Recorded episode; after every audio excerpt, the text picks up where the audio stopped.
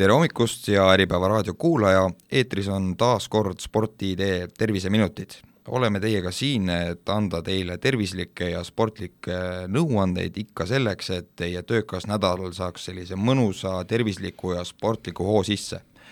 mina olen saatejuht Silver Laks ja minuga koos on siin Sporti-idee peatreener Kristi Roosimägi, tere hommikust! tere hommikust! Tänases äh, Terviseminutite saates räägiks siis natukene tulemuslikkusest ja võib-olla ka treeningkoormusest pisut. et eks ikka on nii, et kui nüüd võetakse see otsus vastu, et trenni minna, siis äh, tahad ju kiirelt näha tulemusi, et, et äh, naine juba kodus kiidaks pärast esimest treeningkorda, aga tihtipeale see päris nii ei ole, et äh, võib-olla alustuseks küsikski, et mis need asjad on, mida tihtipeale alguses tehakse valesti no valesti tehakse kindlasti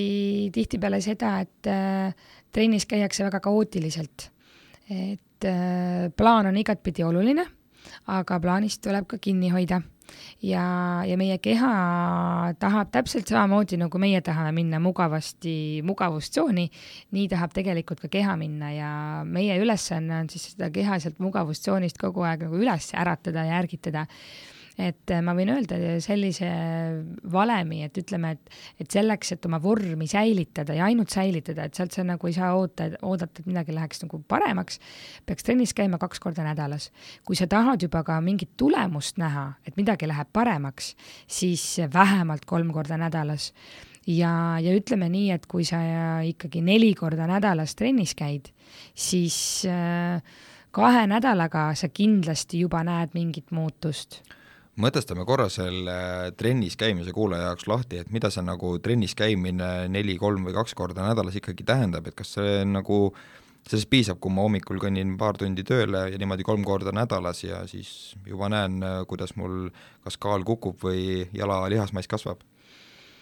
see, see sõltub täpselt sellest, et mida sa siiani teinud oled, et äh, kui on tegemist inimesega, kes tegelikult äh, ei ole jalutanud, kes äh, on peamiselt istunud kontoris ja, ja tema jaoks noh, trenn ongi võrdunud sellega, et ta võib-olla astub paar sammu autosse või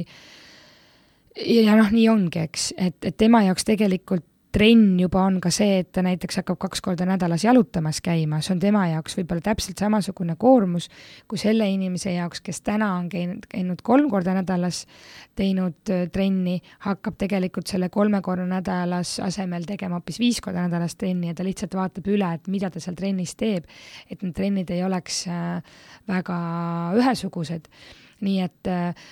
noh, lisaks sellele, et me käime regulaarselt trennis me peaksimegi vaatama, et mida meile parasjagu vaja on ja inimesed on siin erinevad.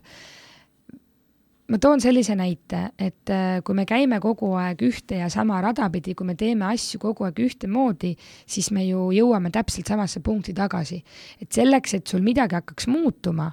on see trennis, on see elus, sa pead tegelikult hakkama tegema ka asju teistmoodi. ja kui sul täna ei ole nagu selle kolme korraga trennis käimisega mingit muutust, siis järelikult sa pead muutma, kas võtma juurde mõne päeva trenni või siis muutma tegelikult intensiivsust ja treeningute olemust ja noh, tegelikult intensiivsuse mõttes ka seda, et et ega lõpmatuseni kogu aeg nagu üles minna alati ka ei saa. et vahel selleks, et, et toimuks areng, tuleb tulla ka väga alla. see on ikka nii, et vahepeal tuleb korra põhjas ära käia, et siis saab jälle tõusta kui oluline eh, siinkohal see regulaarsus ikkagi on, et eh, kui palju ma seda paindlikkust võin endale lubada, et kas nagu piltlikult öeldes mingisugused eh, paus, nädalane paus näiteks, et kas need on nagu okeid või kui, kui nagu piinlikult ma ikkagi seda jälgima peaksin? noh, me räägime siin tervisespordist, mitte tippspordist, eks, ja, ja noh, tervisesportlased, et noh, nädalast pausi, ütleme ka selles mõttes,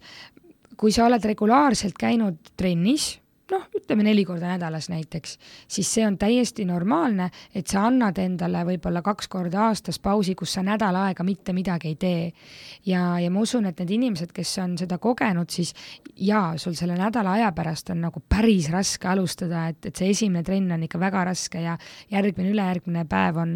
on veel väga valus, aga siis tundub, et, et kõik läks nagu just nagu kergemaks ja, ja meil on väga hea lihasmälu, et kui me oleme tegelikult äh, trenni teinud, siis andes enda kehale niisuguse korraliku puhkuse, siis tegelikult sealt pinnalt see tulemus, see uus tulemus ja võimekus on, äh, on palju parem kui ma nüüd selle regulaarsuse ühel hetkel nagu kätte saan, et kas sellest nüüd äh, täitsa piisabki, et, et see tulemuslikkus saavutada või on midagi veel, mida ma peaksin jälgima? Esialgu kindlasti piisab sellest, et sa teed regulaarselt trenni, sellepärast et sa annad oma kehale regulaarselt koormust. aga nagu mainisin, siis meie keha otsib kogu aeg seda kohta, kus tal oleks mugav. ja, ja teatud aja möödudes, kui sul on kogu aeg koormused, intensiivsus on sul sama, siis su keha harjub sellega ära. ehk sina pead kogu aeg oma keha nagu üle kavaldama. ja, ja siin nüüd hakkabki mängima rolli see spetsiifika, eks, et et kas sa tood omal juurde rohkem lihastreeningut, kas sa tood juurde võib-olla intensiivsust vastupidavustreeningute näol, milliseid raskuseid sa kasutad et mida sa nagu teed, et äh, siin kui noh, ütleme, et oma peaga võid üht-teist välja mõelda ikka, aga, aga tasub alati ka küsida nõu treenerite käest. no tihtipeale ikkagi see toitumine ja treenimine käivad nagu käsikäes, et nendest räägitakse nagu palju, et kui oluline ikkagi selle hea tulemuse saavutamiseks see toitumine on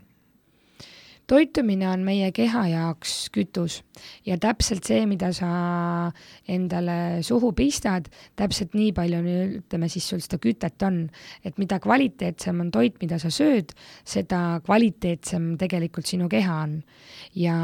ja noh, ütle, võtame siis niimoodi, et vastupidavusalad või kui sa tegeled väga palju jooksuga, rattasõiduga, noh, ühesõnaga siis sellised rahvakeeli võhmatreeningud, siis sinul on süsivesikute vajadus on oluliselt suurem kui neil, kes, kes nii palju nii-öelda ringi ei rahmelda samas jälle need, kes tegelevad peamiselt äh, jõualadega, siis nendel on jälle valguvajadus suurem. ehk meil on kõike vaja, meil on vaja süsivesikuid, meil on vaja valke, meil on vaja rasvu, need peaksid olema võimalikult kvaliteetsed, aga vastavalt sellele, et äh, kus on nii-öelda meie treeningutes see rõhuasetus, peaks see toit olema ka pisut erinev. ja siin ütleme tavalisele inimesele ma annaksin sellise lihtsa reegli, et äh, üldjuhul meie energiavajadus, ütleme niisugune klassikaline tavaline inimene, eks, on äh, kõige suurem energiavajadus meil hommikul. nii et seetõttu see hommikusöök on nagu hästi oluline, et see hommikusöök on sinu jaoks päeva start. söö hommikul mida iganes, sa kulutad selle päeva jooksul kindlasti ära ja mida õhtupoole, seda rohkem peaks nagu vaatama, et meie toidus süsivesikute osakaal oleks väiksem ja valgu osakaal oleks suurem. nii et mida rohkem nagu hommikupoole, seda suurem oleks süsivesikute rõhk, sellepärast et süsivesikute ülesanne meie kehas on anda meile energiat ja palun mitte tõmmata võrdusmärki, süsivesikud ei võrdu suhkruga et seda nüüd viimasel ajal pahatihti tehakse, et niisugused süsivesikute vabad dieedid, aga tegelikult meie organism vajab viiskümmend, kuuskümmend protsenti päevasest annusest tegelikult süsivesikuid, nii et neid kindlasti ei tohiks nagu vähem tarbida. ja, ja valkudel meie kehas on ehituslik funktsioon, meie lihased, küüned, juuksed miks on uni tähtis, miks on magamine tähtis, sest et see on see aeg, kus meie keha tegelikult taastub ja seetõttu just see valgu tähtsus muutub nagu olulisemaks õhtusel perioodil. ja rasvad on siis kogu aeg seal kaasas ja juures, et kui meil ei ole, noh, ütleme rasvakeskkonda on vaja kas või ainult, rasvadel on ainevahetuslik äh, neil on vaja, meil, meil on vaja rasvu selleks, et meie ainevahetus toimiks normaalselt, näiteks väga paljud vitamiinid on rasva lahustavad vitamiinid ja kui meil ei ole piisavalt rasva kehas, siis need vitamiinid lihtsalt näiteks ei imendu. nii et, äh, et selline valkude, rasvade, süsivesikute kooskõlastamine päeva lõikes, et millal, mida rohkem, mida vähem, et, et vot sellistest reeglitest võiks nagu kõige rohkem kinni pidada et kui me nüüd selle pika jutu kuidagi kokku võtame, et vahepeal läksime siin väga spetsiifiliseks, siis lihtsustatult kujul, kuidas treenida nii, et tulemus tuleks kiirelt? kolm märksõna, treening, toitumine, puhkus. ehk siis, kui sa täna käid kolm korda nädalas trennis, vaata, äkki leiad aega, et hakata käima neli korda nädalas trennis, kui sa täna üldse trennis ei käi, proovi leida need kaks korda ja, ja kindlasti sama oluline, kui on treening, sama oluline on puhkus, ehk siis see, et sa saad piisavalt äh, korralikult ennast välja puhata, magada ja kui sul on, lihtsalt proovigegi vaadata selliselt, et kes teevad nagu rohkem trenni, et teil ei oleks intensiivset treeningut järjestikustel päevadel, et annate oma kehale piisavalt aega taastuda. nii et head kuulajad, regulaarsus, toitumine ja puhkus, ma usun, et kõik õppisid täna midagi uut siit, selliseks kujunesidki meie tänased sportiide terviseminutid, meie soovime teile edukat ja sportlikku nädalat ja aitäh, Kristi Roosimägi! aitäh! mina saatejuht Silver Laks ja nagu ikka, kohtume jälle tulevasel esmaspäeval